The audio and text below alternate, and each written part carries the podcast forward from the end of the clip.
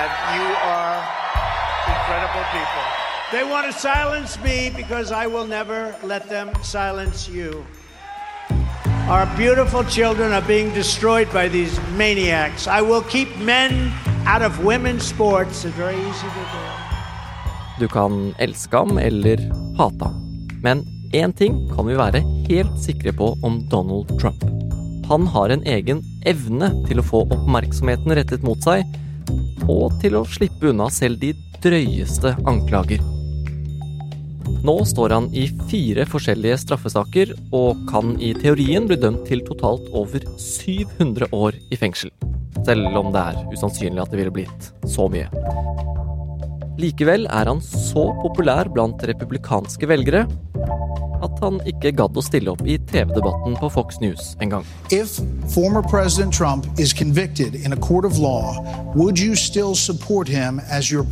Er? Så hva handler den evnen til Trump egentlig om?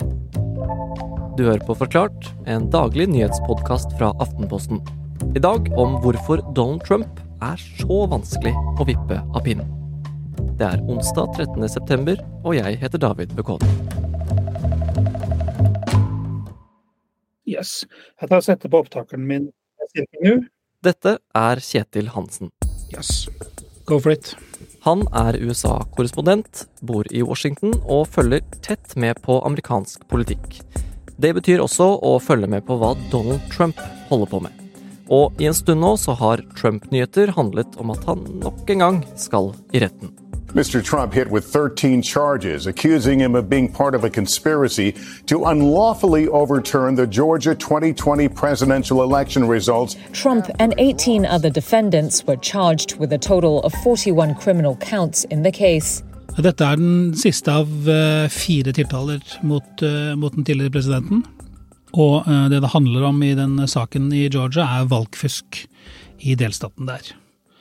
Han forsøkte da å presse, sier aktoratet, han forsøkte å presse eh, folk til å, å, sette til side valgresultatet i Georgia.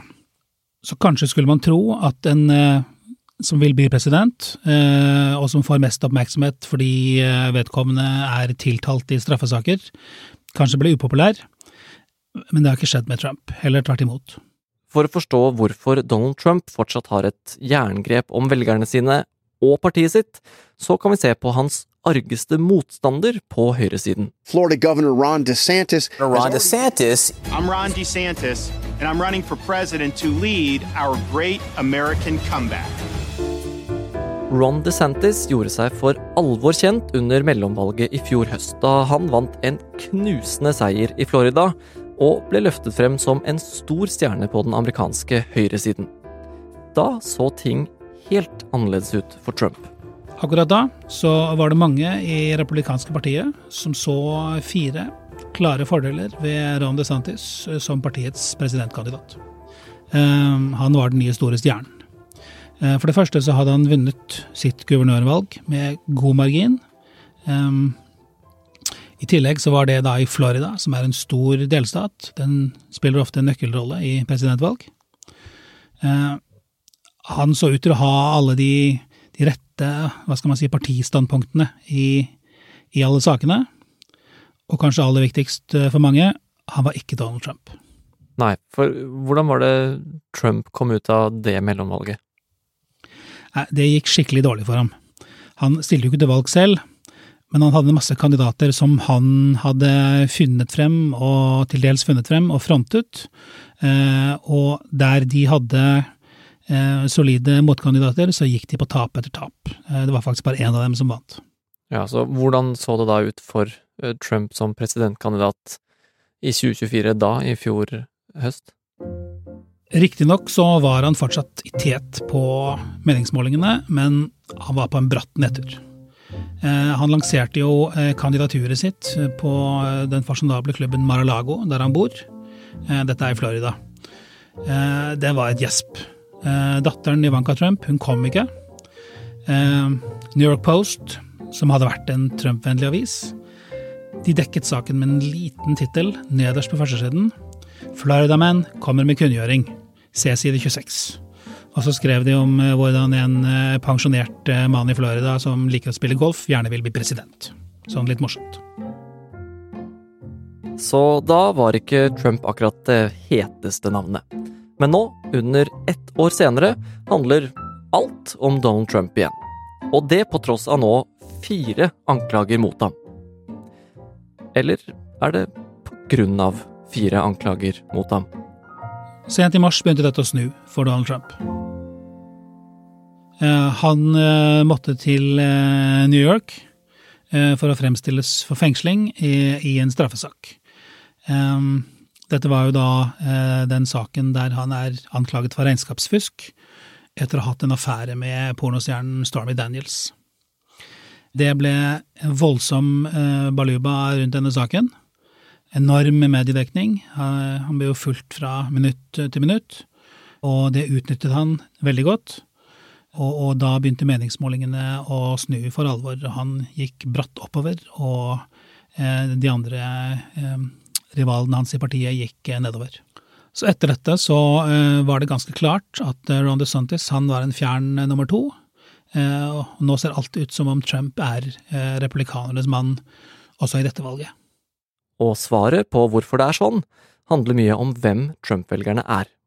For mange av de som stemmer på Trump, de stemmer noe så innmari på Trump. Men så er det også en annen gruppe republikanere som kan ende opp med å velte ham.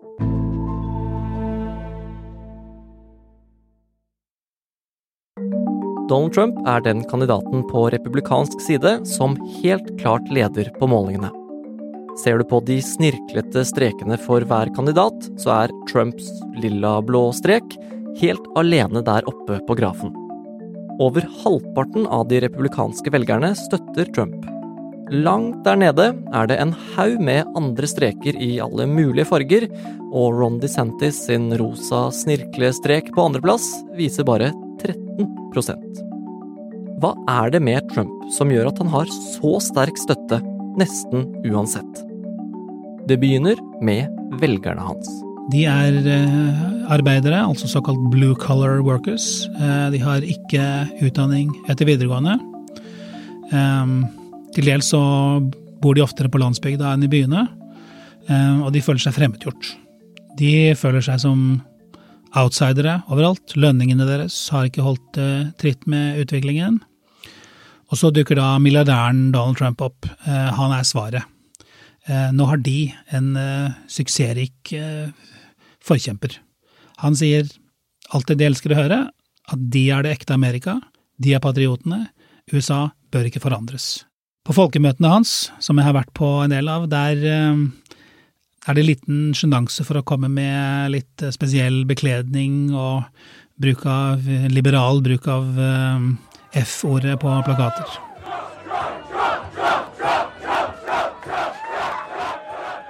Hva er det som gjør at de står med Trump da, i, i tykt og tynt, på tross av alle skandalene, alle rettssakene, alt som skjer rundt ham? Det har vist seg at eh, Trumps velgere har en veldig sterk lojalitet eh, til ham. Eh, og når han angripes, så opplever disse velgerne det som et angrep på seg. Og det er også det Trump fremstilles som. Han sier nå, både offentlig og på sosiale medier og i sånne innsamlings-e-poster hvor han samler inn penger, at når de angriper meg, så er det egentlig dere de angriper. Makteliten er imot oss. Ja, han bruker også det mugshotet som han måtte ta i Georgia for alt det er verdt. Han bruker det veldig effektivt og, og veldig mye, og klistrer det opp på, på eh, T-skjorter og kaffekopper og slikt. Og eh, det virker som dette fungerer ganske godt. Han eh, samlet inn 70 millioner kroner dagen etter at dette fengslingsfotoet ble tatt. Mugshotet er et sånt man gjerne ser av folk som blir arrestert i USA. Du vet, et sånt i litt dårlig kvalitet og med stygt lys, hvor de holder opp et skilt med noen tall og ser litt trist inn i kamera idet de blir registrert.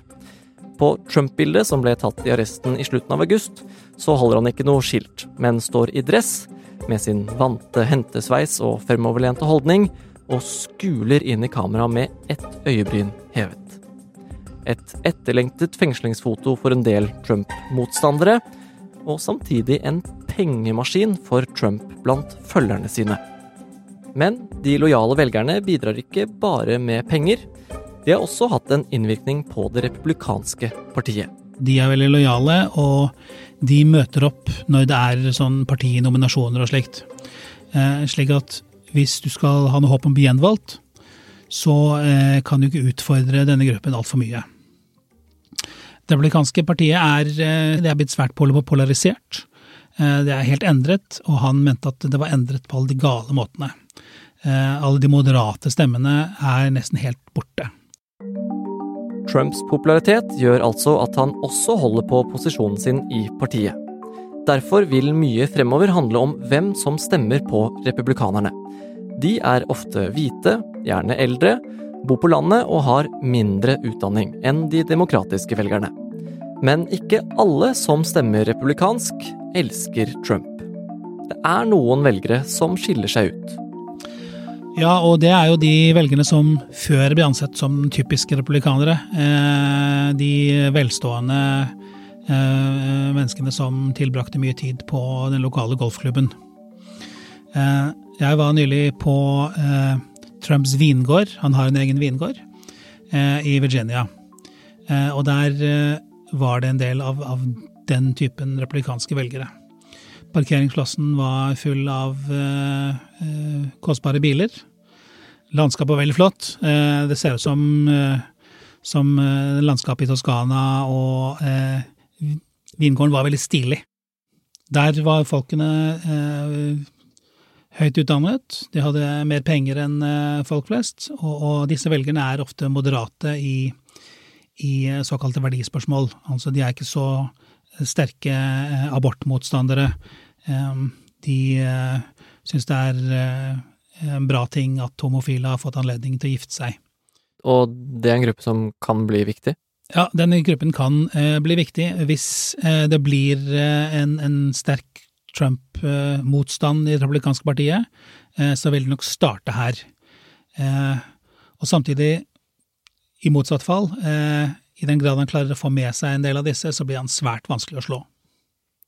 Så når Trump leder så mye som han gjør nå, da, hva er det som kan gå galt for ham? Det er i hovedsak to ting. Eh, det ene er at hans juridiske problemer blir så store at de i praksis gjør et politisk liv umulig. At han eh, må betale advokatene sine så mange penger og bruke så mye tid på rettssaker at eh, det ikke går å drive valgkamp. Den andre muligheten det er at velgerne, og da i så fall mange flere enn hittil, eh, av partiets velgere. De går lei av alt rabalderet og sirkuset. De syns at dette blir for mye mas, og at de dermed dropper han og finner seg en annen kandidat. Mm. Og hvis han blir presidentkandidaten til republikanerne, og til og med skulle vise seg å vinne presidentvalget, hvordan kan den splittelsen som er i partiet da eh, påvirke USA, og, og for så vidt alle oss andre også? Hvis han vinner valget, så, så vil han jo eh, komme inn eh, som en seierherre. Han vil få bekreftet alt han har eh, sagt før, om at eh, alle var slemme mot ham, men han hadde rett. Eh, så det kan tenkes at han da har eh, mye å gjøre opp for. Mange å ta igjen mot. Han kan jo da innsette en justisminister som stopper etterforskningen mot ham selv, eksempel. Han har jo sagt at han eh, misliker at USA bruker masse penger på å støtte Ukraina i krigen. Eh, forrige gang så sa han jo opp den store klimaavtalen. Det kan fortsatt igjen. På den annen side, eh, så alt det spetakkelet og bråket som er rundt ham, det er jo ikke sikkert at det som skaper glødende og engasjerte republikanske velgere, er det samme som får uavhengige, vanlige folk til å støtte ham. Så det kan jo også hende at det svekker ham i et valg mot Joe Biden eller en annen demokrat. Det kan rett og slett hende at det er det som gjør at han kan tape et valg.